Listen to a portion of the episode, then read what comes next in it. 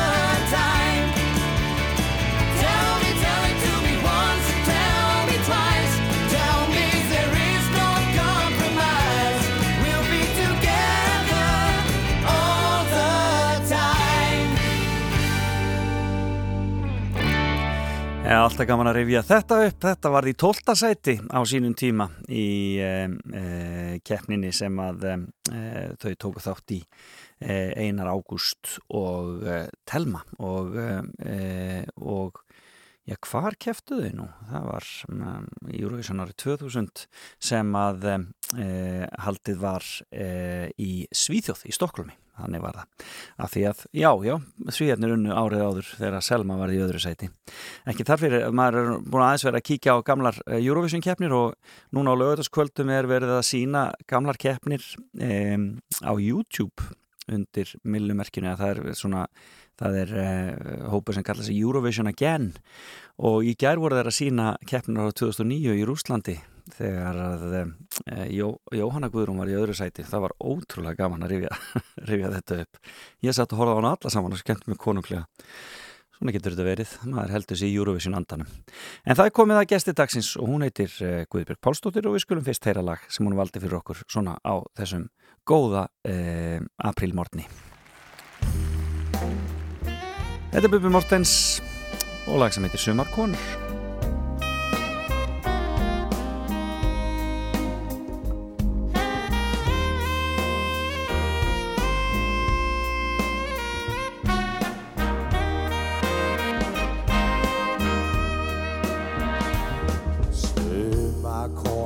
eins og hafið Í höndum þeir ertu lítið beð Aldrei skaltu svíkja þannig konu. Sál þín hún tekur og hverfu með. Þannig konu karlinn skaltu varast. Kallað á drottin Það hjálpar ekki neitt. Það sefur enginn sálarlaus maður. Sásaukan fær enginn breytt Og í nóg Munu bræður mínir gráta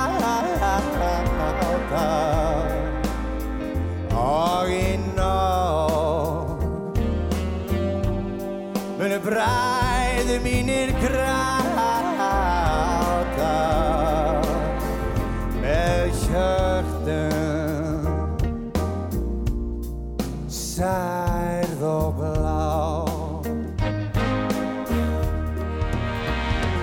Að vakna sem sálarlaust maður. Líta tilbaka og vitinn í sér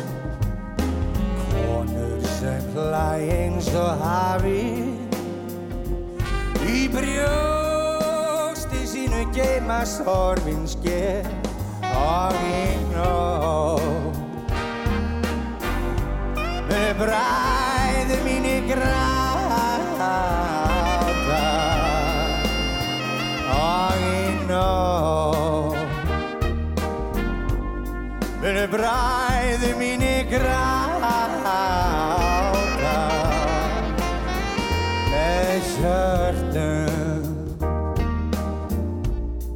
særð og blá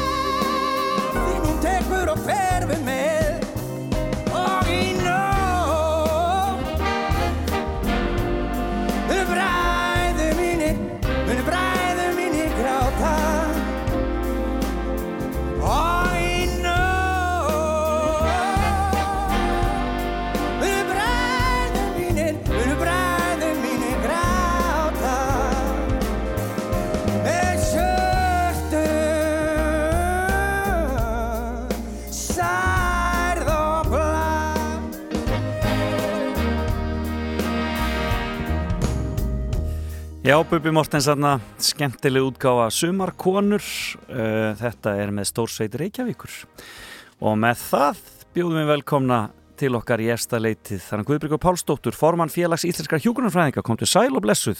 Sæl og blessuðar og þakka að kæla fyrir bóðið. Já, verður velkomin. Hvernig hefur það þarna? Þú nú situr þú frammi náttúrulega. Já, ég hefði náttúrulega bara stórkoslega. Það að byrja náttúrulega sko daginn á þessu góða lagi Já. í þessari flottustu útsettingu sem mér finnst þessu lagi. Sitt hér og horfa út í efsta leitið og, og ég er að horfa hérna á starfsfólk heimahjókurunar hérna í þessu svæði. Einmitt. Ganga hér út úr húsinu og Já, já. vera að fara í sína vitjanir og sé hérna hjókunarfræðingarna merta. Ég meina, ég bara fyllist náttúrulega bara auðmygt að horfa á þetta fólk vera að fara hérna út að vinna Akkúrat. á þessum erfiði tímum. Já. Þannig að það er ekkit að mér. Já, gott að heyra. Gott að heyra. Ertu morgunmanneskja svona almennt, Guðbrík? Já, ég er það miklu meira eldur en nokkuð tíman kvöldmanneska. Já. Þannig að mér finnst þetta nú ekki flókið. Nei, um, er það, er, hefur alltaf verið þannig eða svolítið? Já, ég hef alltaf verið mjög mikil aðmanneskja Já. og þegar að kannski, uh, ég, það er eitthvað sem að ég þarf virkilega að skila að mér, Já. að þá er ég miklu betri í því að fara bara eldsnemafætur, jafnvel um fimmleitið Já. Og ég get alveg rikka því af á tveimur tímum, þremur, Já. sem að geti tekið mig marga tíma eftir fimm á daginn. Já, ég skilði. En, en, en, en hvernig þá í svona eins og í vaktavinninni þegar þú varst að vinna sem hjúgrunarfræðingur? Já, Hvernig var það? sko, það, þá var ég náttúrulega reyndar miklu yngri. Já. Þa- en, en sko ég átti reyndar mjög gott með nætuvaktinnar en Já. mér fannst erfitt að vera á þrískiptum vöktum Já. þannig að þá var eiginlega betra að vera bara á morgun næturvöktum Já. það fannst mér og þá svona var meiri rithmi það er náttúrulega erfitt líkamlega og andlega að vera á þrískiptum vöktum þetta er náttúrulega flókið en, en hérna en síðan þegar maður fór þegar ég hætti vaktavinni þá algjörlega fór ég bara yfir í A-típuna Já, akkurat. Skemmtir þetta að heyra. Heyrðu, en þú ert með fimmu fyrir okkur og við eins og venjulega þá er það þannig. Þá byrð ég viðmærandum mínur að koma með eitthvað, einhver fimm atriði af sama tægi sem að hafa haft áhrif á líf þeirra. Og þú ákvaðast að þetta eruðu vinnustadir. Já, ég hérna er náttúrulega kannski bara litið svolítið af því að vera hjúkunarfræðingur og, og, og því sem ég hef gert í gegnum árin og, og í ári eru nú 30 ár frá því að ég útskrifast í hjúkunarfræðingur Já. og þetta bara poppaði strax upp í hugan á mér þegar varst búin að hafa samband við mig Já. og það bara komi fimm atriði eins og skott. Já, en skemmtilegt. Þannig að þetta bara stein lá. Og hvar við? Eigum við ekki bara byrja á landakoti. Ég var þar sem hjúkunarnemi Já. og var þar tiltölulega mikið í starfsnáminu, í, í náminu Mhm. og það er nú svo sem það er og á mörgum öðru stöðum sem ég hef unnið, ég ætlaði bara að vera þar og fara aldrei þaðan.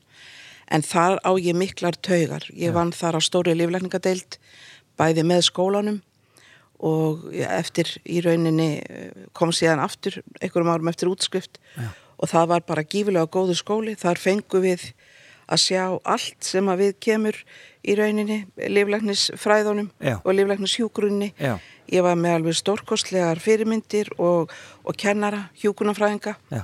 og sem að fylgja menna þann dag í dag og, segi, og ég segi oft að bera nú bara heilmikla ábyrð á því hvar ég er stött í dag. Já, það var bara svoleiðis. En þarna, á þessum tíma á landakot ekki, ekki orðin svona öldrunarspítali heldur. Nei, nei, þá var þetta einn af þreimur spítalum í Reykjavík. Já. Það var landspítali og svo var það það borgarspítalin og síðan var það landakot. Já. Og þá var það þannig að vaktirnar rulluð á milli þessara þriggja spítala þannig að við vorum oft með akutvaktina. Já, einmitt. Og það er eins og ég segi, lærði ég bara alveg gífurlega mikið og undir góðri leðsögn, fekk samt alltaf að standa einn og en, en ég var alltaf með fólkið með mér, þannig eins og ég segi, mér var aldrei hent út í djúbulauina, Nei. en hún var heldur ekki grunn.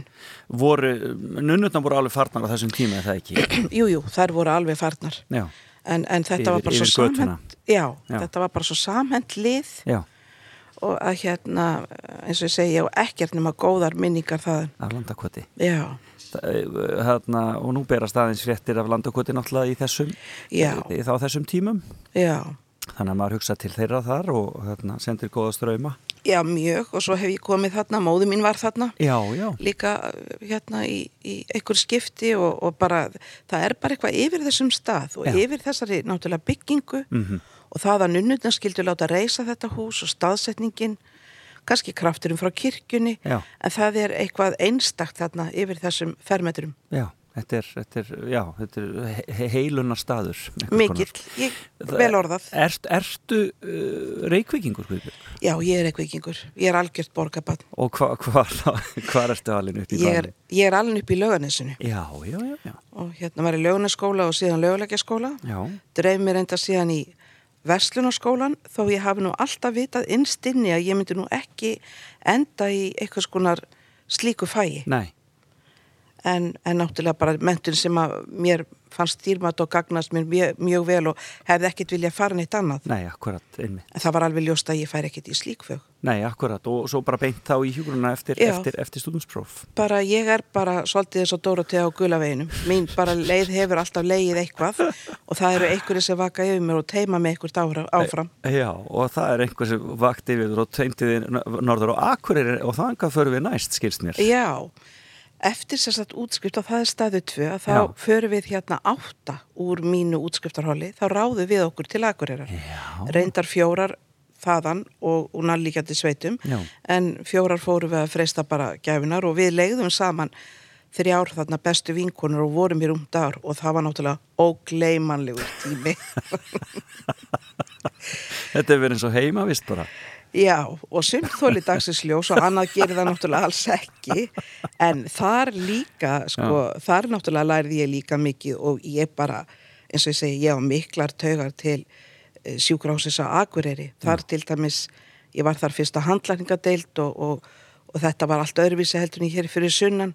Þar stóð maður við bekkin og blandaði lifin og ég var alltaf að velta mig hver er bekkurinn en þá er það borðið sem þú stendur og blanda lifin. En það kallaðist að standa við bekkin og, uh, og bara, og það var svo líka þar bara mikil samhældni myndi mér svo mikið á landakott ekkert allt á stórstofnun, allir þekktust.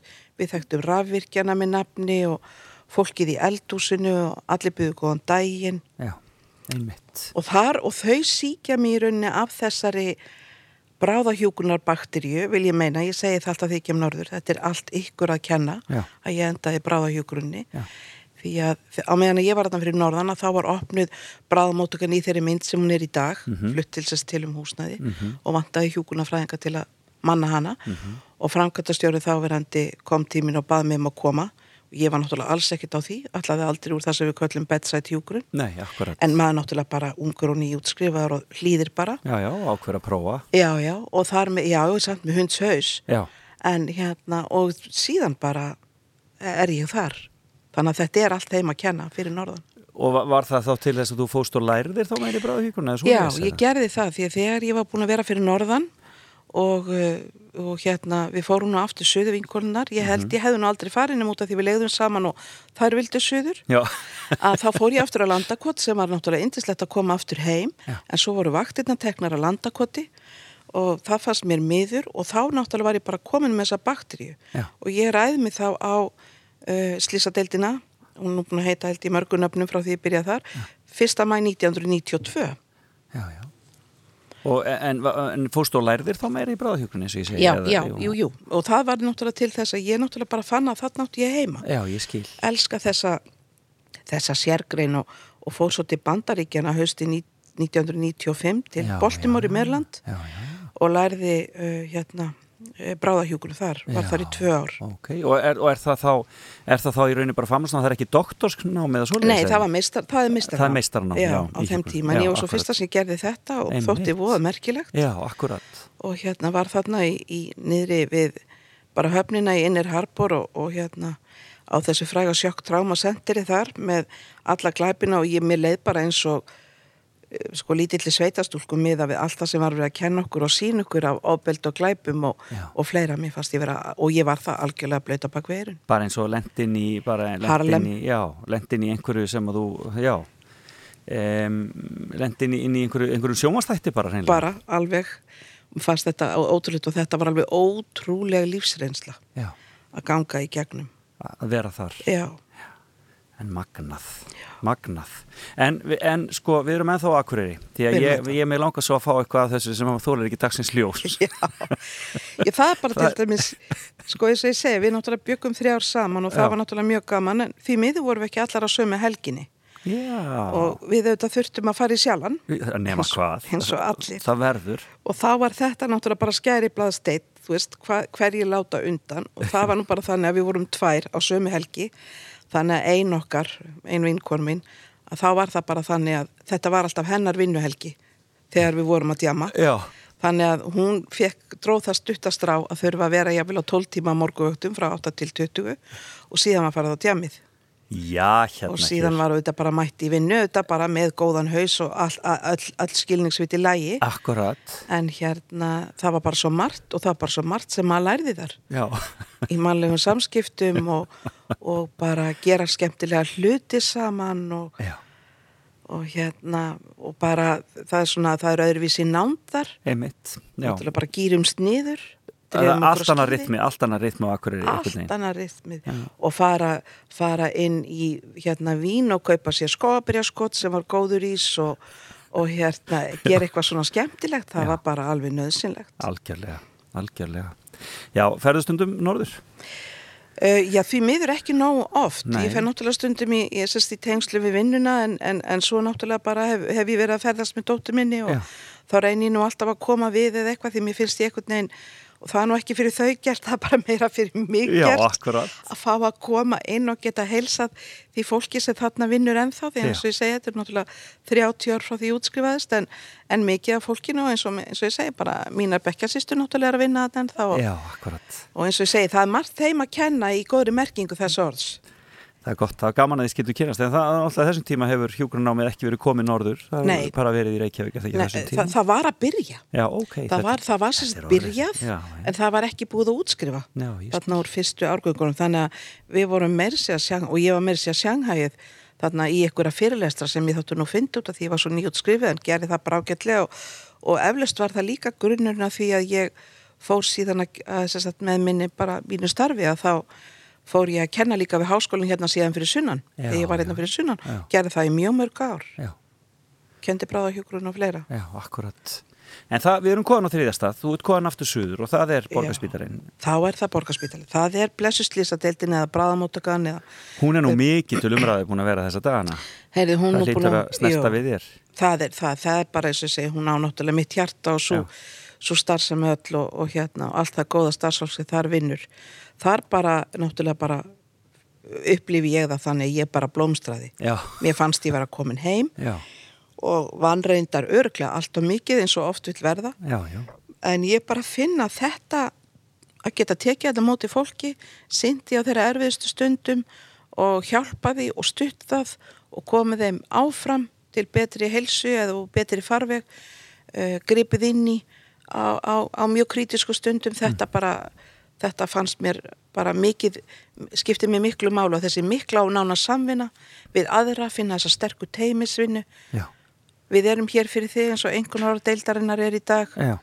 Þetta er bara það sem í rauninni og þetta er Og bara þetta er sem við hjúgrun maður vera. snýstum náttúrulega sem hjúgrun snýstum Jú, leiti, algjörlega.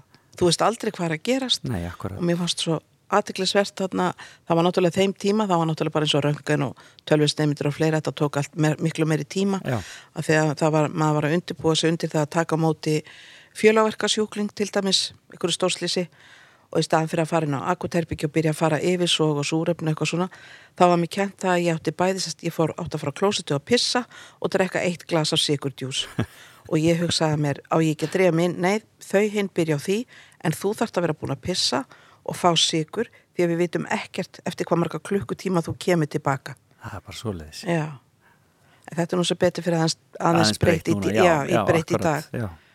Um, Sumi segja að sko vandamál deildarinn að sé meira að, að, að aðrar deildir taki ekki á móti sjúklingum þess að verða þeir eftir þarna inni er það ekki það sem að vera að tala um þessa dagana svolítið? Jú, og svo bara getum við náttúrulega reakið þá Já. Keðju lengra og af hverju geta þeir ekki tekið við sjúklinga er það bæði út af manneklu annars vegar og hins vegar það er ekki hægt að útskrifa fólk og það er bara eins og maður segir en maður ætla nú bara að vera sangjart þetta er ma- vandamál bráðamótugunar eða landspítala, Nei. þetta er náttúrulega bara vandamál kerfisins. Já, og við verðum að hætta benda hérna hvort og annað og, og koma að þessu saman. Já, og það er það sem að búið er að sína fram á Erlendis í mörg herrans ár með rannsóknum og, og bara og virkum aðgerðum Mhm. að það er ekkit fyrir að allir koma sama borðinu og hætta að hugsa um eigin hagsmunni að hægt er að vinda ofan af svona Já, eins og við sjáum gerast núna í upphafi þessa faraldus Já, mjög aðtilsvöst Mjög það er allt hægt. Já, heyrðu, við skulum taka okkur smá pásu. Já.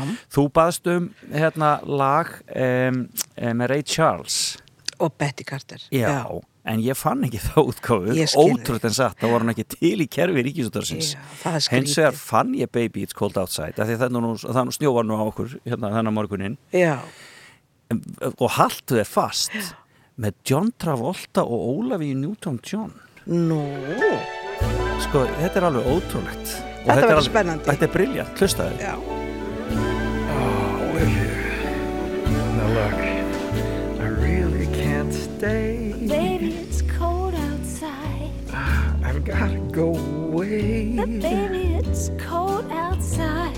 This evening's been oh so very nice. Been hoping, John, that you drop My in. mother will start to worry. Oh, hold your hands that just And like father ice. will be pacing the floor. Handsome, hurry?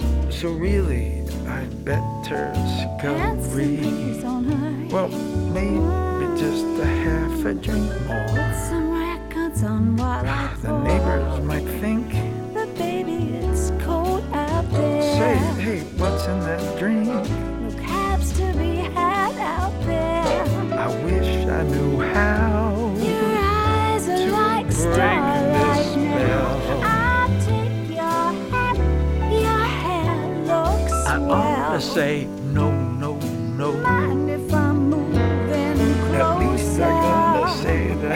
I What's the sense of hurting my I really can't stay. Oh, baby, don't Oh, hold out, but baby, it's cold outside. oh gosh, Liv, I really do have to go. Oh, you don't really do. really- Come on, want it's freezing out there, I know it's too cold, but I simply must go.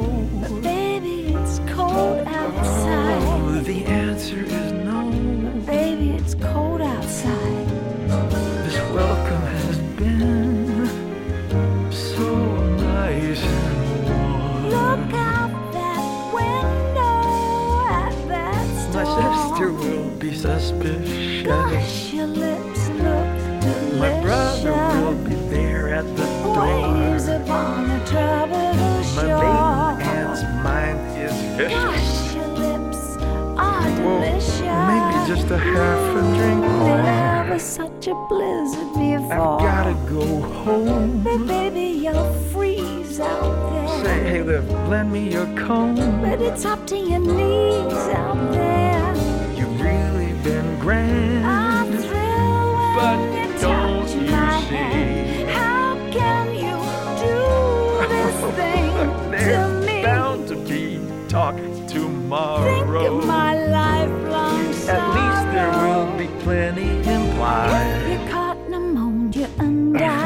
Can't stay. get over Oh, that old but baby, it's cold.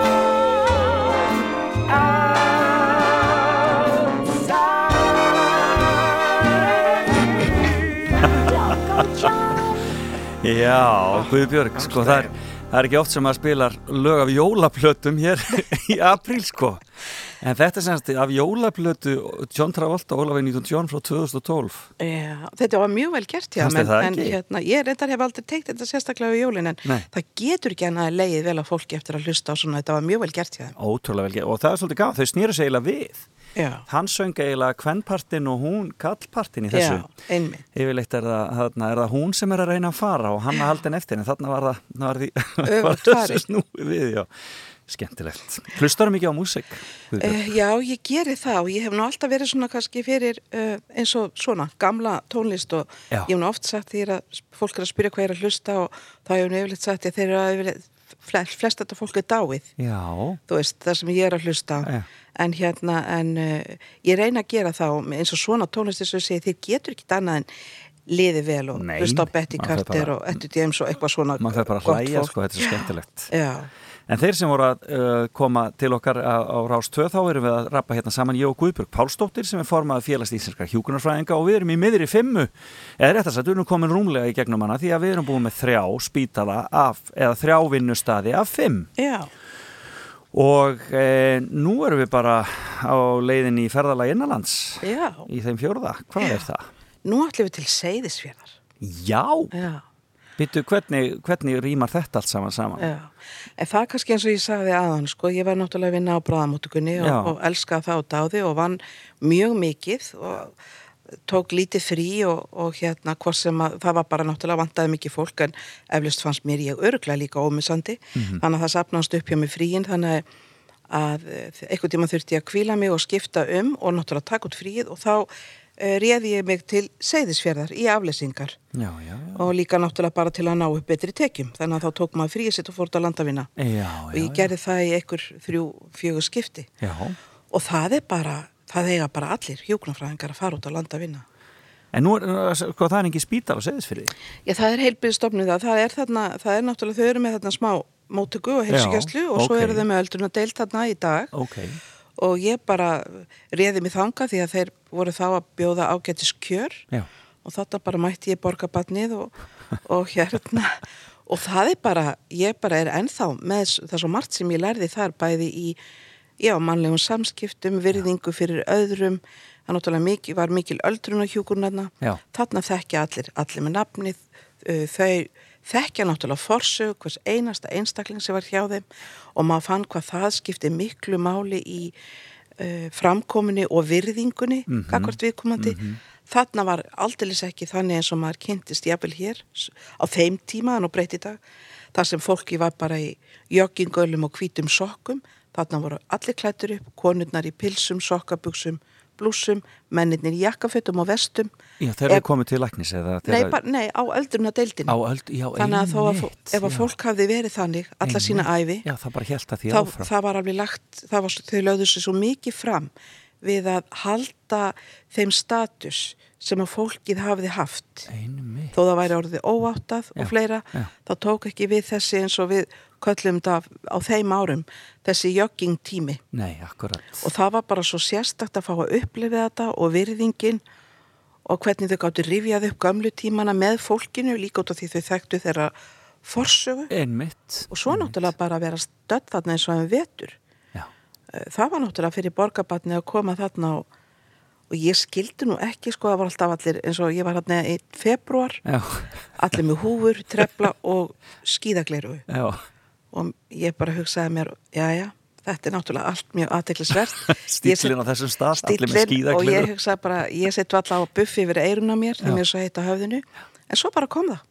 Og bara maður öðlast virðingu fyrir náttúrunni því að það var í daginn ég sérst bjó upp í blokk eins og það kalla sem er, Já. ég veit ekki hvort er 300 metrum frá þarna að heilsugjastlunni og, og það var svo vond veðrið að þó ég væri vel græið og í kraftgal og öllu saman að þá gekk ég og skreið á fjórum fótum. Þá var maður sendur á móti mér með bara til að finna mig koma mér náttúrulega í hús og svo var ég bara veðuteft þar á annan sólarring og þá skildi ég þetta með skíðaglerugun, húuna og trefilinn Já, og þessa virðingu sem að þau uh, hafa fyrir náttúrun og þessum gífurlegu veðrum já. og ég einhvern veginn hafði ekki fattað Já. og þarna var maður á þessum annars litla stað sem að allir halda að sé bara næsta hús við hornið þá gæt maður orðið veðuteftur Já. og mikil ófærð Já, þetta er ótrúlegt. En líka bara náttúruð fegurðan þarna Já, og eftir já, eftir hérna bara vaktirnar að geta farið bara þarna upp í neðri botna sem er beint þarna fyrir ofan og hort á bjólfin og, Já. Og bara þetta er bara svo mikið lífið og En- verða svo inniloka þarna út þegar snjóar á fjardarheiðinni Já, akkurat, það er, og það er náttúrulega eitthvað sem er stöðut rætt í samband við göng og annað slíkt. Já. En e, varstu þá í útivist þarna, skýðum eða svoleiðis? Eh, nei, ég var náttúrulega bara mikið sérst að vinna, ég fór bara aðli í göngur og göngutúra, þarna já. þá bara nærlíkjandi, Já, eins og ég segi upp í neðri botnana Og náðu þér og- í, í frísloft? frísloft og bara horfa náttúruna og æðruleysi þarna og eins og ég segi bara virðingi gagvart manninum og náttúrunni. Sem er svo, og þessi mikla nánd Hljómar vel. Hljómar vel. Heyrðu við um eitt stað eftir já, og það er e, og það er hvað? Já, hann er bara svolítið flókin því hann er í rauninni, uh, hvað ég var að segja, allt hitt. Það er Já. allt þetta óhefbunna. Það er það sem líka hefur staðið mínu hjarta mjög nálagt sem að er þessi, við stundum köllum þetta utanspítala þjónusta. Ég hef Já, líka já, í mörg herrans árið að gerði, það vann ég mikið með almannvörnum og Ísafía, slökkuliði, lauruglu og mörgum öðrum viðbrasaðalum og það var hlut af því sem ég meðal annars eh, lærið í bandaríkjónum, það var þessi utanspítala þjónusta og svo hjúkurinn sem á sér stað þar. Og við ferðumstu landi í mörg herrans ár og það er enda gert ennþá og heldum stóras flugslisæfingar þar sem við vorum að koma hérna eins og við vorum nú köllu og gett grína okkur og með réttu bara sérfræðingar á sunnan og vorum að kenna þeim hvernig þau ætti að haga sér hérna ef að til kæmi til flugslis eða annara stóra slísa Já. og það náttúrulega var ég með heilbríðskeran á svo döru fólki og hérna og það er bara ómetanlegt að hafa fengið að fara hér um landið og kynnast öllu því stórkostlega fólki sem þar vinnur. Horfa á úræðin sem að sérfræðingarnir að sunna náttúrulega höfðu ekki getað eins og krakkandi segja fattað upp á Nei. og sjá hvernig þessi misstóru samfélög græja þetta bara í sinni heimabygð og geta, geta sér sagt uh, gert það er náttúrulega bara sérstakt og eiga fyrir vikið uh, alla þessa kunningja og þetta góða net út um allt land það er náttúrulega bara sérstakt Já, akkurat. Og heldur, heldur sambandi við Já, eitthvað af því fólki? Já, eitthvað af því og svo náttúrulega bara þegar ég hef verið á eins og núna í mínu starfi í dag að vera á ferðminum landi að, Já. að þá bara þá bara fellum, þá er maður alltaf að fallast í faðma við einhvern veginn nei sæl og blessaði, sæl og blessu maður þekkir þetta allt fólk en þetta er líka bara heilmikil hjúgrun Ei. og þetta sýnir bara enn eitt hvað ég var að segja, starfsvettvangin í fæinu Já, sem að engan kannski órar fyrir en er mjög bara mikilvægur og fjölbreyttur ég meina ég er búin að fara til Noregs að vinna ég hef farið með Ísafja til Kosovo að, að hjálpa til með að gera viðbrasállin fyrir flugvöllin þar Mhm. uh, ég fór í Tælandsflugi hérna um árið þegar við fórum heims, fórum á náðum svíjónum heim Já. þannig að sko möguleikarnir eru endalusir og ég get alveg fullvisað um það að það er ekkit af þessu sem að ég sá fyrir Nei, einmitt. Svona magnað, magnað starf um margt. Já, Og, Og fjölbreytt. Og fjölbreytt, akkurat. Hvernig, en eh, félagsmálin, varstu alltaf svona mikil félagsmálum manneskja? Þú dast nei, inn í nei, það? nei, nei, aldeilis ekki Nei. og það var nú svo Alltaf er bara að vinna sem þinn bráða hjúkunar frá Já, já, já, já. velta því meira fyrir Nei, þér. nei, eins og ég segi, ég hef bara verið lætt eitthvað í lífinu og, og þegar það kom til að hérna, ég var nú reyndar kosin í stjórn, það var reyndar þá einmitt fyrir bráðahjúkunarfræðingana Já. Og þegar ég átti að fara fyrsta stjórnafundin og við höfum stundu gert grína því að þá og það er náttúrulega á nafni sko, ekki bara þá fulltrúi bráðahjúkunarfræðinga Nei. að þá náttúrulega var bara svo mikið að gera bráðamóttökunni ég sá mér ekki fært að, fært að fara Já, og, fekk, og fekk aðra manneski til að fara fyrir mig og það var til þess að þáverandi formaður ringdi mig á daginn eftir og saði bara það er ekki svona sem þetta gerist Nei. þú verður að mæta sjálf, þú getur ekki senda aðra fyrir þig þannig að ég var nú ekki betur inn í hlutunum þá. Nei, en þannig einhvern veginn samt sem áður datt ég inn í stjórnina og félagstjörfin og síðan var ég varaformaður hann í nokkur ár með síðasta formanni og sem að síðan hætti og fór til annar að starfa og, og þá var ég köllið inn með stuttum fyrirvara til að taka við til að leysa hann af sem Já. að náttúrulega var bara eðli málsins Einmitt. og ég er hér enn frá 2016 Já. þess að segja, ég er bara leita áfram og leita áfram og líður vel í þessu starfi sem formaður félagsílskara hjúkunarfræðing. Já, ég geri það, ég er náttúrulega að vinna með stórkostlegu fólki og ég er náttúrulega að vinna fyrir náttúrulega, ég er náttúrulega ráðin í vinnu hjá hjúknarfræðingum og, ég, og mér finnst það mikill heiður og, og ber mikla auðmíkt sko fyrir þessu starfi að mér skulle vera treyst fyrir því. Já. Ég líka finn að mín reynsla sem þá er orðið núna 30 ári í starfi að hún skila sér og ég finn að þetta tengslanett sem að ég hef og mín reynsla uh, er að skila sér mjög vel. Þannig að mér finnst ég hafa mikið til málan að leggja og mér finnst ég geta gert margt fyrir hjúknarfræðinga í samfunni náttúrulega við eh, bæði starfsfólk félagsins og alla hina. Já. En eins og ég segi, ég saknaði samt Já. að vera í klínikinu og eins og núna á þessum tímum að þá er bara, ég vildi hvergi hel- annars staðar vera heldur en að vera bara neyra bráðamáttuk og fá að vera með þeim og mér veist vond að vera þar ekki. Já, en býð bara spennt eftir að, að verkefnum þessa dagana ljúki þannig að maður geti bara skráð sig í bakvarasveitinu. Já, akkurat, það er, það er, það er bara, það er, þetta er ótrúlegt, er ótrúlegt átak sem er í gangi út um allt og, og, og um, þjóðin stendur með, okkar hetjónum okkar í heilbríðiskerfinu það er engin spurning. Og ég líka tók, sko ég er búin að heyra í öllum, til dæmis framkvæmtastjórum hjúkurnar um allt land, gerði það í síðustu viku og var nú bara svona að heyra í þeim hljóðið og aðtuga hvernig staðan væri og, og það er bara sko, ég, það var, ég vildi að væri við væri með myndavilar út um allt land og heyra þar, sko, þetta eru allt konur heyra þar að lýsa hvernig búið er að gjörbylta stofnunum, heilsugjastlum öldrunarheimilum og öllu fólk er að, það er að breyta vinnunni sinni, dagvinna yfir í vaktavinnu, vöktum e, það er að setja allt til hliðar og það er bara með ólíkindum að heyra hvað fólk er að leggja á sig Já. til að gera þetta sem best úr gardi Einmitt. og hérna við bara stöndum miklu, mikið til þakkaskuld Þetta verður, þetta, er- þetta, já, þetta verður, og þetta verður metið þegar, þarna, þegar öllu þessu er lokið eða þegar við erum búin að gangi í gegnum þetta þá er þetta skoðað sagt mjög vel. Já, En Guðbjörg Pálsdóttir, það var dásanlegt að fá þig hérna í heimsókn uh, í fram og tilbaka. Já, og eh, síðasta lagið sem þú valdir sem, sem ég ætla að spila því sem þú valdir ennú með fólki sem er alveg sprellifandi. Já það er nefnilega merkilegt. Sigriður Tollasíus og Tómas R. Einarsson. Já, þau, þau, þau, þau skipa sess hjá þér? Já Þessi diskur hans Tómas R. Einarssonar, hérna Bongo, hann er náttúrulega bara eins og segir, þau eru lifandi, það er gott. Já.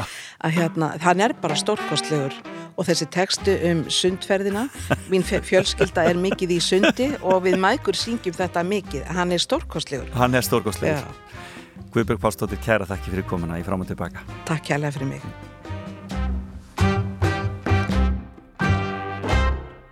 Ég sá hana fyrst eitt sumardag í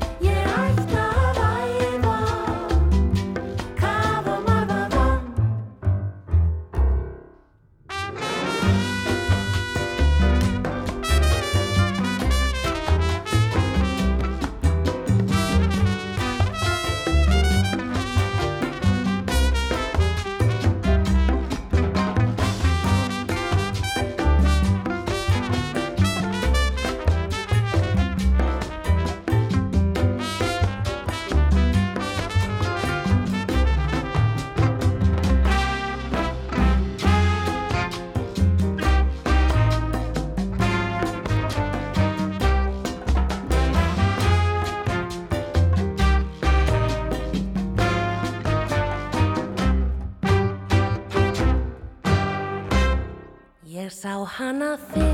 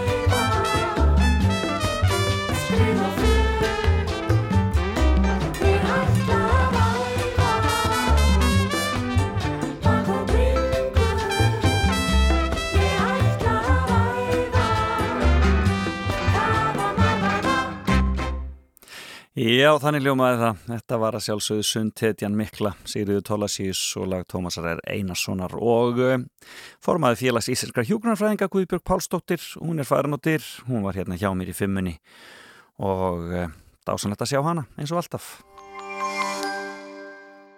Páskasnakkið er harfiskurinn í gulupókunum. Gullfiskur fæst í bónus. Er hægt að reyða sig á hæpri til lengri tíma? Við höfum verið að þróa hybrid-þekkingu okkar í meir en 20 ár. Fjórða kynsluð hybrid er svo áreðanlega að rafluðinni fylgir 7 ára ábyrð sem með árlegu heilsufarstekki er hægt að framlengja upp í 10 ár. Toyota. Málaðu meira fyrir minna. Alvöru sænsk gæðamáling á múrbúðarverði. Múrbúðin. Gott verð fyrir alla, alltaf. Þú ert að hlusta á Fram og Tilbaka á Rástfö.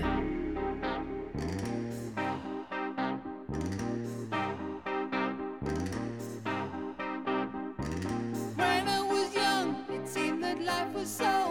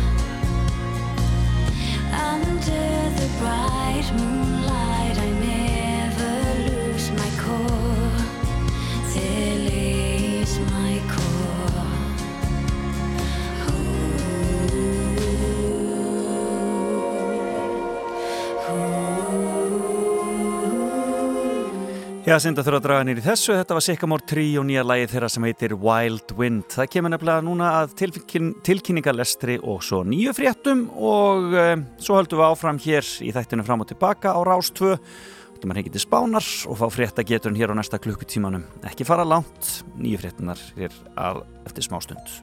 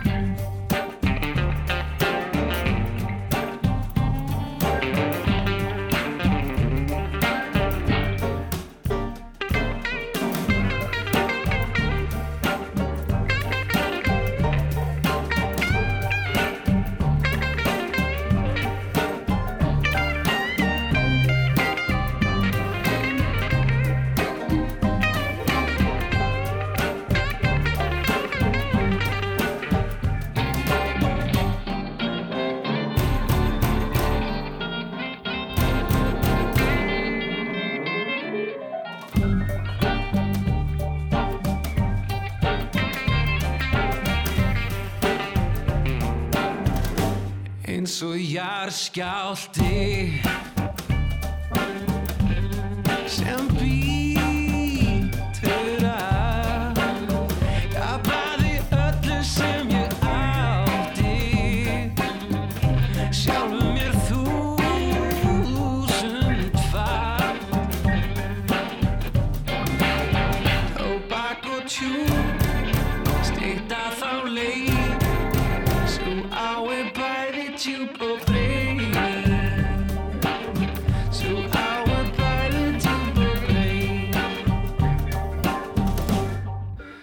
Já, ég á mér draum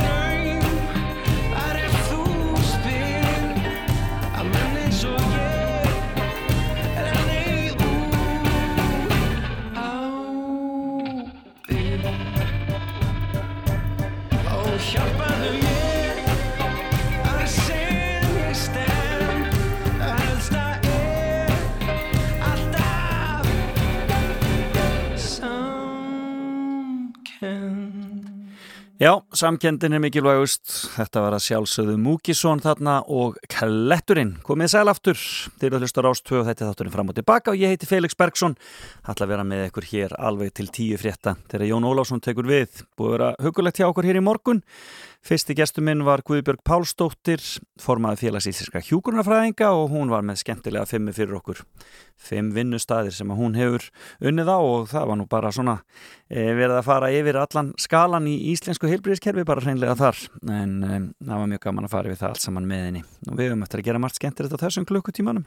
Til dæmis ringið til spánar og fara í frétta geturinn. En í dag er 5. apríl og það eru margt merkilegu dagur, ímislegt merkilegt sem hefur gerst á þessum, þessum ágættu degi, til dæmis að e, þá gerist það árið át, 1933 að alþjóðdómstóðin í hagdæmdi dönum yfiráð yfir öllu Grænlandi. En norðmenn höfðu reynd að helga sér hluta þess undir heitinu Land Eiríks Rauða. Þetta er nú ótrúlegt maður, bara vissi ekki af þessu en... E, en alþjóða dómstóttil dæmdi svona. Ég veit ekki hvort að grænlendingar var nokk til hann spurðir hvort að þeir vildi vera undir dönum en það er nú önnu saga. En við viljum gertan vera við viljum gertan vera þannig. Sir Winston Churchill dróð sig í hlýja 1955 á þessum degi vegna heilsupress, þá var hann 80 ára gamall. Og söngleikurinn Hárið var frumsýndur á þessum degi árið 1971 í eh, Glömbæ stórmerkilegt. Og svo er það þeir sem að fættust á þessum degi ammæli í dag eða áttu ammæli í dag. Spencer Tracy hann fættist á þessum degi og Betty Davis. Og svo er það eina af þessum. Já, Agneta Feldskog. Hún er sjötug í dag. Hver hefði trúað þessu? Til hamingju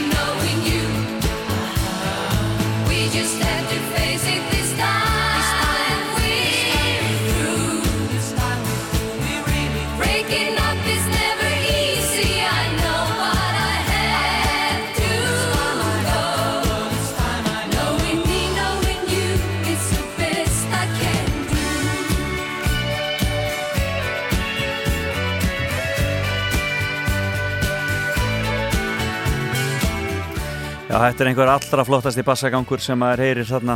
Þetta er Knowing Me, Knowing You, þetta er Abba og Agneta er sjötug í dag. Já, já, svona líður þetta elskutna mínar. Lífið heldur svo sannarlega áfram, það maður er ekki um það. Velkomin á Fætur. Fram og tilbaka á Rástfö.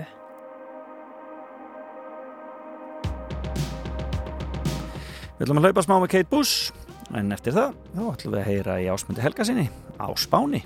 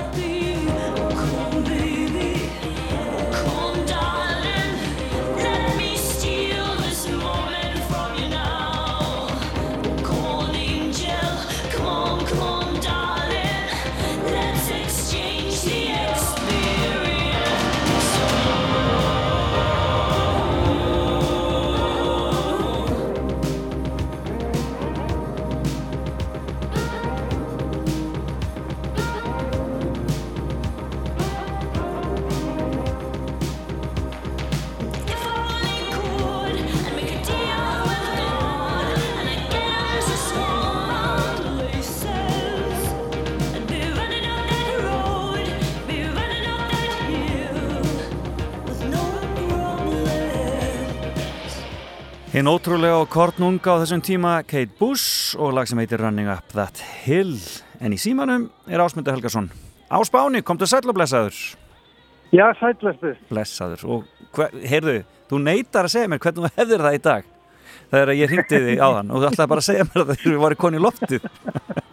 Hvernig hefur það ásum minn? Ég hafa mjög gott Er það ekki? Jú, jú. og Ella líka Já, já, já, við erum hérna í svo blóm innilokun. Í blóm í innilokun, já, innilokuð blóm. Eh, blóm. hvar eru þið stött á Spáni?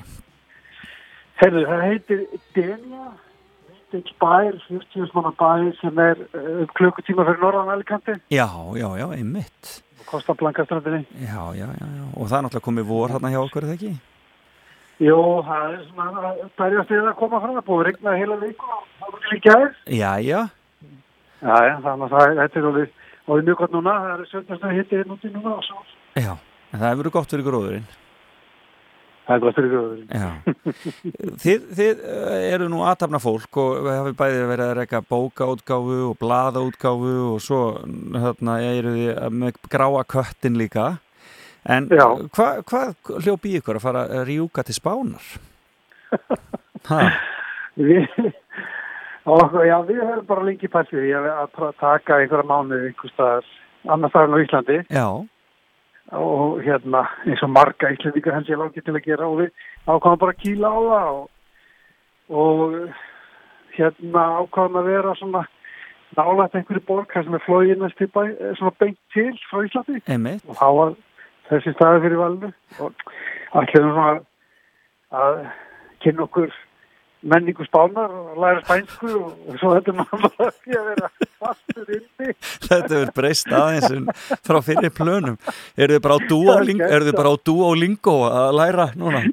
Ha, nákvæmlega, nákvæmlega, við erum bara á Duolingo já En, eh, en hvernig, hvernig svona áður en þið voru lokuð inni, hvernig kom þetta mannlíf þarna ykkur fyrir sjónir? bara mjög vel. Já. Við, við skutust hérna í stöttafæri í janúar og keirum hérna upp og niður með ströndinni Já.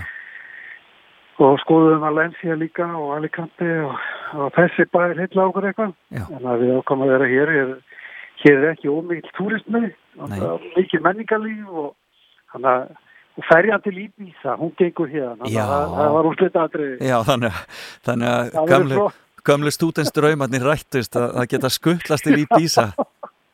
Það er fróðan disk á fyrstaskaldin hjá okkur. Þetta er bara klukkutíma ferð með ferðinni. Já, Það það verst er svona litað fróðutisko. Ég uh, fór ykkur í svoleiðis og það sáu allir morgunin eftir hver hafði verið í fróðutiskona því að maður var blár á tánum. Þetta, ég átt eftir ég var að koma þetta. Þannig að hérna, þetta var gerð útlæðið hér að velja þennan bæ. Nákvæmlega. En hvernig, Geta hvern, komist, en hvernig, er staðan, en hvernig er staðan núna? Ég meina þið eru först inni og er, er þeir búin að gefa út hvað fólk má verður að vera lengi heima hjá sér? já, það var verið að lengja tíman í gæð, eða og kom tilkynning frá yrkistjófnari. Já. Um að það var lengt fram til 27. apríl Já, hérna hér. og það er hérna, það var lengt um halva mánuð. Já, einmitt. um. Já. Sem fólk þarf bara að ég vera inni. En, en, en, og, Já. megi, og er, það, er það bara þannig að lauruglan stoppa mann ef maður fer út eða svo leiðis eða, og sendir mann heim? Já, við, við hjónin höfum verið stoppuð held í sex sinnum á síðan. Já. Við erum svo heppin að taka, við erum svo heppin að við tókum hundin með okkur Já. og, og þú mátt bara fara upp í búr upp á spítalar Já. eða út að lafnum hundin. Og þannig að þið, þið getið farið einu svona út á dag með hundin sem í, í Já, í já, við fyrir nú oftar. Já. En við höfum verið stoppuð og spurt bara hvað er þetta heima, hvað er þetta hér, hvað kom svo langt frá heimili Já. og eitthvað svona. Já. Þannig að þeir eru mjög stífir á þessu og fólk fer mjög vel eftir þessu. Ég, þetta, Það er fer bara einn út, einn út í búð í einu frá hverju fjölskyldu og svo framvegis. já, þetta er döðans alvara þarna. Þetta, gengur, þetta, er, Þetta er það, sko. gengur, gengur mikið já, á. er, kom- já, en það er nú góða fréttir í þessu líka. Það var sem sagt tölu sem voru byggt að í þessu. Já. Sí, dánatalan sem sagt hrundi niður. Já. Dánatalan síðasta sólarins. Já. Hún var komin upp í 950 sko talan sem byrtist í gær og var svo hægsta sem hafi komið. Mhm. En síðan er þetta datt þetta niður í eitthvað cirka 850 núna talan sem kom núna áðan. Já. Og það er, nei 809, þannig að þetta er mikið, mikið fall. Já. Og þeir halda það hér, ef maður svona lesa það getum línar, að, að hámarkinu í nýjum síkingum hafa verið náðum síðustu helgi Já. og síðan er þá döðsvellin koma þá, það kemur fram í döðsvellunum og er fyrir að koma fram núna viku síðan. Já, akkurat, einmitt. Þannig að það er, það er svona ákveðin bjartsinni, bjartsins tótt sem að séð núna í spænskum fjölmjölum. Já, já, við sagðum svona ljós við endan á göngunum einhvern veginn að fólk svona Já. vonar að þetta, þessu ljúki einhvern tíman. En eru þið með, eru með einhver aðstöð til að vera úti? Ekki, hafið þið með svalir eða svo leiðist til þess að Já, anda ég- eitthvað frísku lofti? Já, já, við erum með ágætis pall, ég sittið núti núna, tala við. Já. Men það er, ja, þetta er, við, erum, við búum ágætlega, eini gallin við okkur er að við fengum hérna íbúðun afhenda sama dag og öllum búðum að loka Já. og íbúðin er húsgagnalaus, þannig að hún er það ennþá. Já, Við hér. grenjum okkur inn bakturðavegin inn í einhverja fast í hérna, í húsgagnabú og gáttu keift tímu. Já, bara til að sofa Og- hreinlega? Já, já, já, hreinlega og síðan hérna í Carrefour stórkostlega fundum við sólstóla og sjónvast Já, og þannig að við erum með tvo sólstóla, eitt sjónvast gáttum kipt svona potta og pannur og þetta út í eldursið og, og síðan erum við með rúm og svo er hérna gömul út í húskur sem svona er eitthvað hlutaðið með komin inn. Að öðruleiti er ekkert inn í húskur. Já, já, hérna hér þannig að það, já, það, og það var bara síðasti dagur sem áður en að, en bara allt lokaði bara Það var að loka þess handæðis. Já. Það er ekki þetta, maður kemst ekki í neitt sko. Nei, Það eru mjög stíður á þessu og, og til dæmis núna er páskana þá mega bara hérna föstudaginn 10. og mándaginn 13. með engungu vestlarnir sem er starfinn 300 færmetrar þeir eru opnar. Já, Þannig að þeir eru í, það eru engar litla vestlarnir opnar. engar Nánast þessu. Já, og, og er það ekki náttúrulega aðalega sem er í kringum ykkur, er ekki svoleiðis? Er ekki fyrst að að næst fara til litla til Jú, litlu, lit, jú. í litlu búðurnar? En það er samt maturvestlarnir ástæðar í það sem er, hérna, Já. fimm minna Akkurat. Það er ekki vandamál. Já, akkurat, þetta er, er aðtilsæð. En hvernig, hvernig ætlið þið að vinna? Uh, hva, eru þið, haldið þið bókaútgáfuna áfram þarna eða svoleiðis? Hvernig Já, já. það? Já, já. Það er drápa, er það ekki? Bóka, jú, jú, drápa og það er nú þannig að hérna þó að netsala á bókum hafi aukist þá þá náttúrulega hefur sala á bókum hefur hægt upp á henni. Að og ég er tilbúið með þrjá bækur sem er eh, sem bara ég get sendt í brendun en við ákváðum að býða með þanga til svona fólk fyrir að komast út úr herlinu sko. Já, akkurat. Þannig að það kemur, við komum það, komum það bara út í sumar Já. og og á samt, á samt þreymur öðrum bókum en, en þetta er svona, við getum alveg þýnt að það vinna hér þetta er vinna sem fer fram yngung í tölvunni sko. Já, akkurat. En þið, en þið þurftu náttúrulega að loka á gráa? Við þurfum að loka gráa kettinum þannig að það var orðið finnilega dýr að hafa hann opinn heldur en loka Auðvitað, já. Þannig að þið, að Það, það, við, þið býðið bara... það er alltaf grunnstuðið það, við veitum ekki, uh, þú veist, við erum opnið slótt að við getum Já. og, og við sinnum náttúrulega öllu sem þarf að sinna svona í bakendanum Já. hérðan bara köttin, einmitt. bókald og svona. En vo- voru Við einhver... erum, í, við, erum í fullri, við erum í fullri vinnu hérna þó við séum á spáni þá er, er hér fullur vinnudagur. Já, þetta er almennilegt og farið á fætur og farið í sturtu og svona og, og farið í fínu fötin. Við gerum það Felix, við förum hann að slæði í fyrstu. Já. það er gott að heyra. Nei, ég segi svona, þú veist, það er verið að tala um það að maður, eigi- ég er ekki að segja það, ég er að segja, fólk, það er sagt sko að fólk eigi að fara á fætur og fara í sturtu og fara í fötin og vin, hefja vinnudaginn sko. Gerir þið það? halda rútinni. Já, halda ég- rútinn. Ef ég- ferði í stuttbuxnar, ferði í stuttbuxnar náttúrulega. Já, Ha. ég vakna og lappa út með hundin öllum á kaffi, fann með kaffi og Já. fer svo yfir hérna fréttinnar og svo byrja maður bara að vinna. Já. Og svo í því eftirni þá leggjum við okkur ekki, heldur, þá er hérna indal bandarist kona sem ver, sér okkur fyrir leikumi Enski. á netinu. Hvað heitir hún? Ég veit ekki hvað hún heitir, en við löpum með henni, tvær, þrjár mílur og, hoppum og skoppum og og við erum að reyna að stunda einhverja smá leikum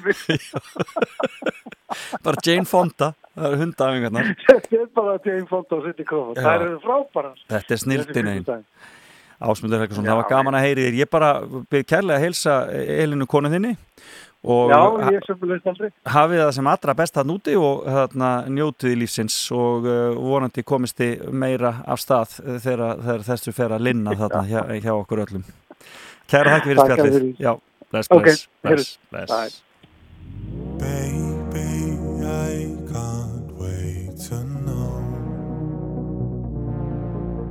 Believe me, I'll always be there. So.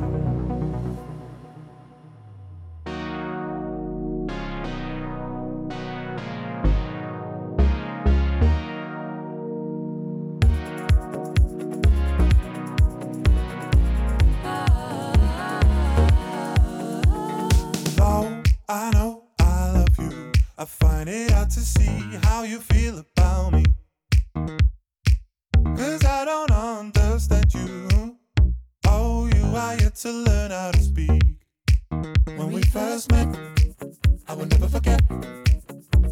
Cause even though I didn't know you yet,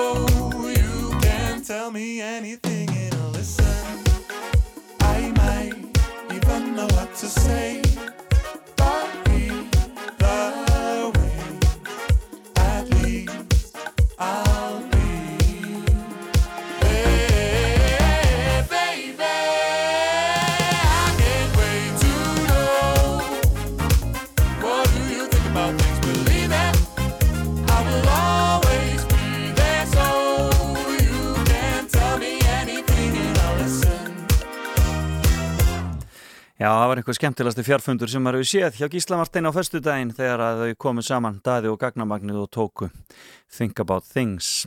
En það fyrir að líða að eh, fréttageturinn hér hjá okkur, fáum eitt lag í viðbót og eh, já, smá auglýsingar og uh, svo getið þið byrja að ringja 5, 6, 8, 7, 1, 2, 3.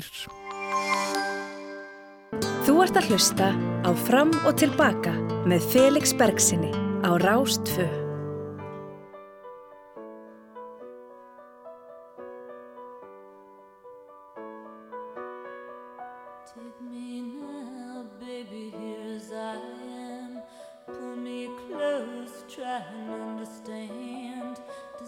Hunger, is the fire I breathe. Love is a banquet on which we feed.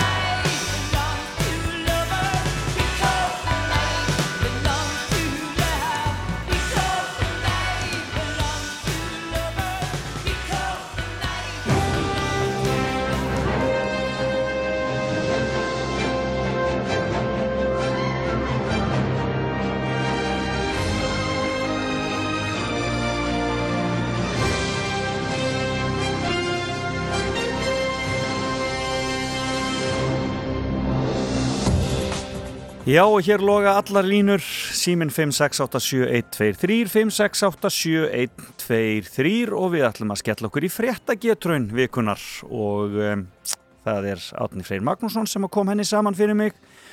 Og um, e, margt og mikið í fréttum sem að kannski tengist ekkit endilega e, veirunni vondu. En e, við skulum bara byrja að heyri fyrsta hlustanda. Góðan daginn. Góðan dag. Heyrur í mér Halló, heyrur í mér Já, daginn, daginn. Daginn, daginn, hvaðan ert þú að ringja? Þú Garðabæ. Þú ringir úr Garðabænum og ert með allt á hreinu þegar kemur að fréttageturinni Gerir á fyrir Nei. Heyrðu, við skulum fá fyrstu hérna Í vikunni var útflutningur íslensk fyrirtækis á lambakjöti til Kína í fréttum En hvaða íslenska fyrirtæki flutti út kjötið? KS. Nei, það var ekki rétt en vel var skotið Takk fyrir að ringja Já, það var ekki KS Hverjir flutti út þetta kjöt? Góðan daginn Góðan daginn. Hverjir voru að flytja út eh, eh, fjallna, kjöt til, lambakjöt til Kína? Það hlýtur að hafa verið bara góði. Nei, ekki rétt Takk. En takk fyrir, já, ekki var það góði Hvað er næsta? Góðan daginn Nei, þetta gekk ekki hjá mér Æ, betur, þetta gekk ekki heldur Góðan daginn Góðan daginn. Veist þú hverju það voru sem voru að flytja kjöt til Kína? Þið búið að gíska á SS? Nei, en það er ekki rétt það? Það er ekki rétt, það er ekki rétt, Ok. takk fyrir Já, nei, það er ekki SS Góðan daginn Halló, góðan dag Norðanland. Norðanlamp var það ekki, nei, nei, nei Þetta er að verða spennandi Góðan dag Góðan daginn.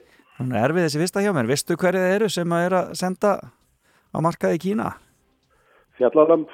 Það er fjallalamp Hárrétt hjá þér e, Og þetta sem sagt er 20 tonna pröfusending sem fór nýlega frá fjallalampi En e, þeir segja að viðtökurnar séu góðar og kínverið séu áhuga saman um frekari viðskipti Þetta er spennandi Það er alltaf ljós í myrkrinu Hvaðan ert þú að ringja? Egilstöðum. Þú ringir frá Egilstöðum, hvernig er veðrið hjá ykkur í dag? Það er alltaf gott veður í. Það er ekki brjálað veður Það sýnist mér á Nei, það er ekki gott veður, það er svona. það er svo jælja reglandi. Það er jælja raglandi, gott að heyra Heyrðu, það er næsta spurning, þú ert komið eitt rétt og uh, uh, þú þarft að ná þremur Og ég spyr, í, vik, í vikunni lísti fósetti Frankardisnar Evrópasambandsins yfir áhyggjum af einræðistilburðum fósettisráþara Ungverjalands, en hvað heitir fósettisráþaran í Ungverjalandi? Úrban, eitthvað. Já, ég þarf eiginlega að fá bæði nöfnin. Hvað hann heitir að fyrir nafnin líka? Úra sábyggin, eitthvað svolítið. Nei, kemur þetta ekki til þín? Æ, ég man það ekki, hann heitir allir, ég veit að hann heitir Úrban. Já, það er ekki alveg rétt heldur. Er, er, þetta, ég get ekki gefið rétt fyrir þetta. Nei. Já, takk fyrir að ringja. Beðið heilsa austur. Bless. Nei, ég vil fá þetta nákvæmar. Góðan daginn. Já, dag. Veist þú hvað hann heitir uh, fórsættaráttarinn í Ungarlandi? Þetta er ekki Viktor Orban. Viktor Orban heitir hann. Þetta, hann var nú nálægt í þarna fyrir austan en þetta var ekki alveg rétt hjá hann. Viktor Orban, það er þannig. Heyrðu, já, já, hvaðan er þú að ringja? Ég er ekki skagan. Já, já, já, já. Og hvernig hafið þið það? Skagamenn? Sko, jú, jú. Gott að heyra. Heyrðu, í vikunni var hjúkunaheimil í Bólungavík mikið umræðu. E, manstu hvað hjúkunaheimili heitir? Fyrsta sem poppar upp í hugunni Berg. Það er til að þér. Ertu með svona, ertu með svona hérna, sjónminni? Nei, þetta er bara, ég veit ekkert hvaðan þetta kom en, en hérna, ég heyrði eitthvað talað um hugunni heimili Berg. Já, akkurat. Hárétt, hárétt hjá þér. Heyrðu, þú ert komið tvær réttar þannig að ég þarf nú eiginlega aðeins að stríða þær hérna með þetta síðustu. Ha, Nú, nú. já, er það ekki? Ekki að tóldi, þetta má ekki vera eitthvað, þú, þú fari ekki páska ekki bara að gefa sér það hjá mér, sko. Það verður að challenge. Heyrðu, hvað á ég að spyrja þig hérna? Heyrðu, jú, já, já, já, já. Í vikunum var bandarist flugmóðskip mikið fréttum. Þeirra skipera þess var látin fara út af fréttum um COVID-19. En hvað heitir skipið? Og ég get gefið þér uh, vísbendingu, það er nefnt eftir hérna fórseta.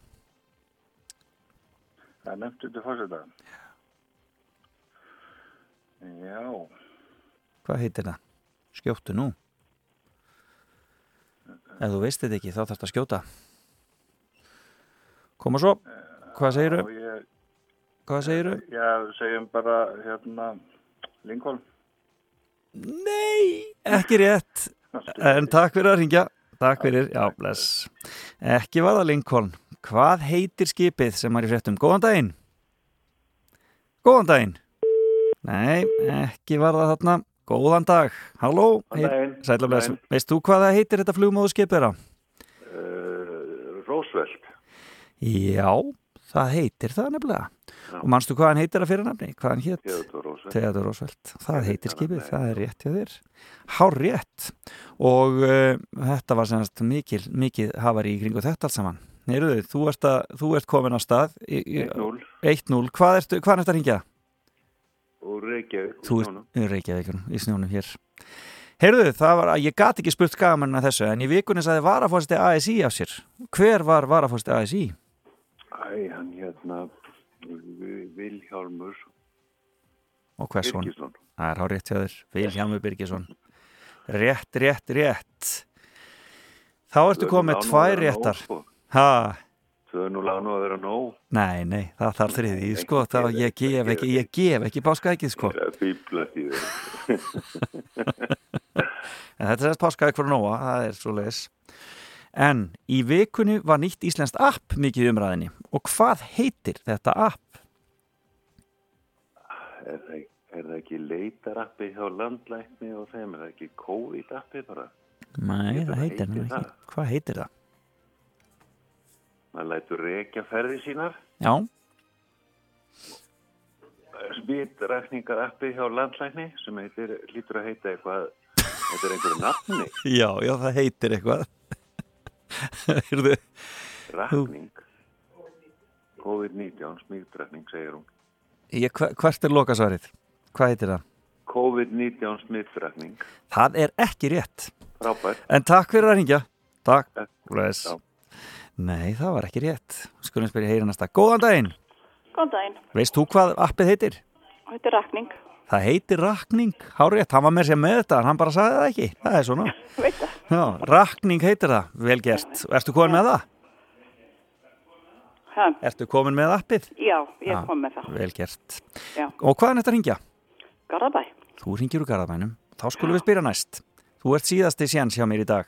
Já. Í vikunni hófu Íslendingar tilurinn til að ná í heimsmet. Hvaða heimsmet er það? Já, menna það. Mikið átak. Lestur eða ekki? Það er hjá þér. Það er heimsmet í lestri. Já. Og það það, er er, hérna, og það er hérna, það er hægt að fara inn á vefsíðuna tími til að lesa og taka Já. þátt í þessu, það er Einmitt. skemmtilegt og þetta hefur kvart mann að stað, ég, er búin að, ég fekk áskorun og ég er búin að lesa fullt fyrir vikið Já, það maður ætlar að taka þátt í að gera setja heimsmet sko.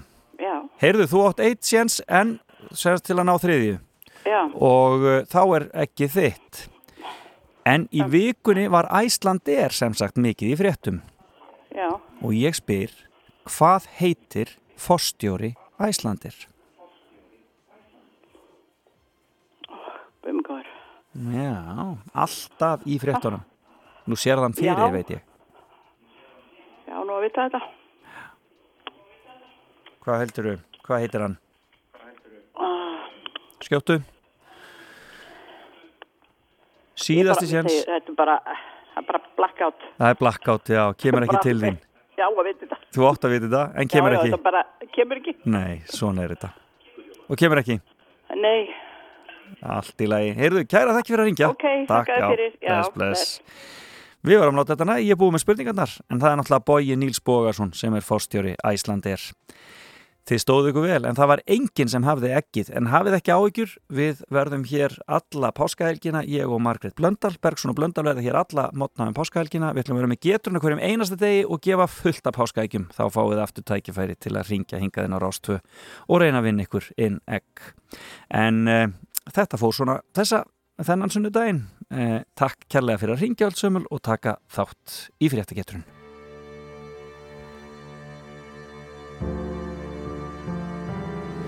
Hér er Íslands söngkona sem heitir Lísa og lag frá henni sem heitir Flór 13. Gaman að heyra nýtt íslenskt.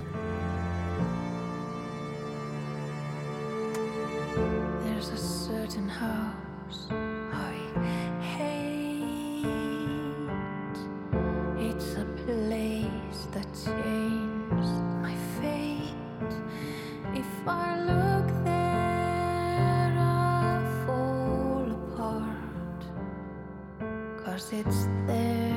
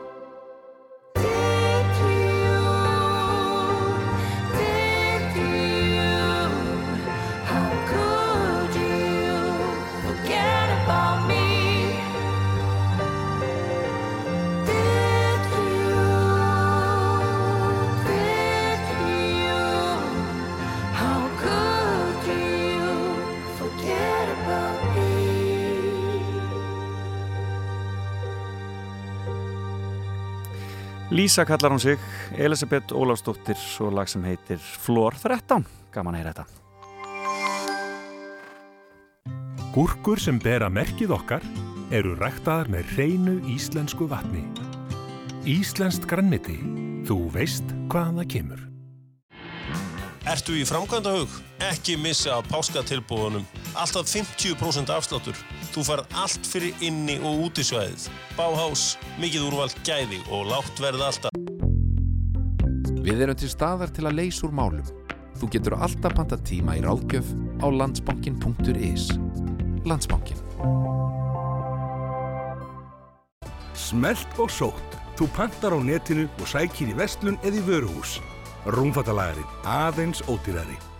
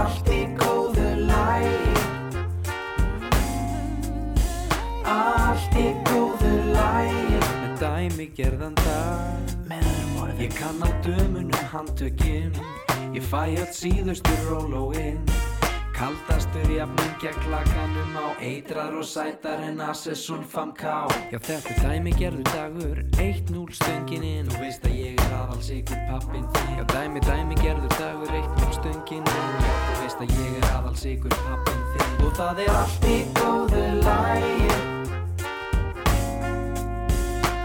Allt í góðu lægi Og það er allt í góðu lægi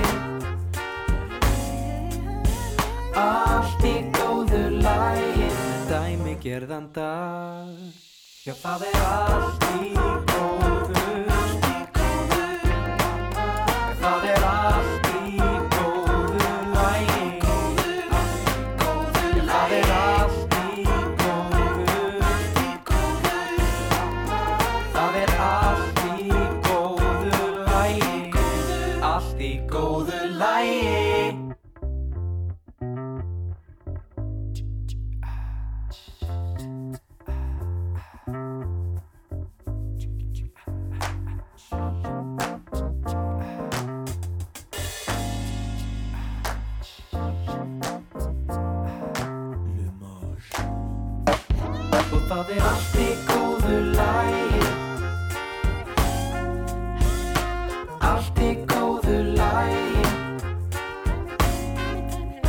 Og það er allt í góðu lægi Allt í góðu lægi Og það er allt í góðu lægi Allt í góðu lægi Og það er allt í góðu lægi Já, ég hef margsinni sagt ykkur hvað ég hef mikla aðdán á þessu bandi sem heitir Moses Hightower og þetta er eitt af fyrsta sem kom frá þeim. Allt í góðu lægi heitir þetta lag. Eh, Jón Ólafsson tekur ég við klukkan tíu ég sínar sunnudags með sín, sín sunnudags morgun og svo er það sunnudags sögutan eftir háti og það er Gíja Hólmgestóttir sem stjórnar þættinu núna að norðan og gestur hennar í dag verið Svavar Alfred Jónsson prestur í Akureyrar-kirkju svo erum við með fundin hér klukkan tvö og uh, svo tökum við Bergson og Blöndal við og förum á tímaflakk klukkan þrjú og um, förum víða. Ætlum að fara uh, til árana 1958, 68, 78 og 88 heyrum meðal annars af eh, keppninni Vettvangur unga fólksins og fáum kynfræðslu úr ríkisútvarpinu frá 1968 þið viljið ekki missa því. Og svo er það Óli, Óli Palli sem ætlar að tala við eh, Heru og Krumma um nýju lögin þeirra í Rokklandi. E, og e, og Magni kemur hann líka aðeins við sögu en það er að koma ný plata frá Pearl Jam og Magni veit náttúrulega allt um það. En Studio Rockland er að sjálfsögðu sendt út frá Akranesi að þessu sinni. Já, ljúfur sunnudagur hjá okkur hér á Rástfö eins og alltaf. Eh, en hér er Bríett, nei fyrir ekki Elisabeth og lagið hennar sem heitir Sugar.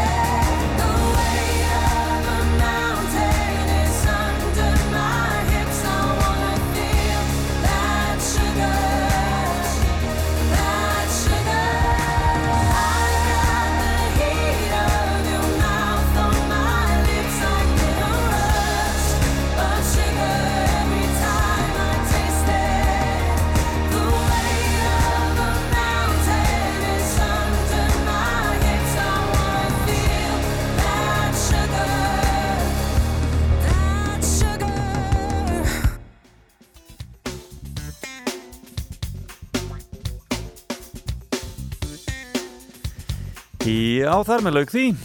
Elisabeth Ormsleif átti síðasta lag þáttarins í dag og þetta var sjúkar. Búið að vera ljúft að sitja með ykkur eins og alltaf hér á sunnundasmótnum eh, og eh, gestir mínir góðir Ásmundur Helgarsson á Spáni, gaman að heyra í honum. Sestur út á veröndina í húsgagnarlausri íbúðinni. Hann hafði ekki að kaupa sér neinn húsgagn þá hann allar búðir lokuðu á Spáni. Það er ágætt en þau fengur þó dínu þannig að þau þurfu ekki að sofa á gólfinu hann og Ella konans en það þurfti að miklar fortölur til að komast inn í húsgagnarverslinu þess en þetta er, þetta er, það er mörg ævintýrin. Það eru mörg ævintýrin sem menn lenda í á þessum fordæmalausu tímum eins og þeir segja. Og síðan uh, var hún hjá mér í morgun hún Guðbjörg Pálsdóttir uh, uh, skólasistur úr Vestló og uh, núverandi formaður félags íslenskra hjúkunarfræðinga og uh, hún fór með okkur í fimmuna og uh, sagði okkur af fimm vinnustöðum sem hún hefur komið við á lífsleiðinni og þar kendi nú margra og skemmtilegra grasa. Hún hefur verið á landakoti sjúkur á svona Akureyri, Borgarspítalanum fór svo seyðisfjara og listi þar af í nokkuð skipti og svo var hún svolítið að tala um þessa utan spítala þjónustu að vinna með viðbrags áallunum og hópslýtsæfingum og allt það með almanu vörnum og svoleiðis. Það var mjög gaman að fara í gegna þetta með henni. Og þetta fer allt inn á netið eftir smá stund og þar getið þið slustað aftur eða deilt eins og vindurinn og svo var fréttakjöturinn sínu stað og það tókst ekki að fá þann sem að náði þriðju spurningunni réttri. Við fengum ekki þrjú rétt þannig að eh, páskaækið býður páskana. Og ég verð hér alla páskana með Margréti Blöndal, Bergson og Blöndal verða hér strax á skýrdags morgun og svo aftur á föstudaginn langa laugadaginn, páskadag og annan í páskum. Og ætlum að vera með ykkur. En að þessu sinni er þetta búið. Takk ég vel á móti Jóni. Bless bless. Kúrðu bara áfram og hlustaðu á fram og tilbaka á Rás 2.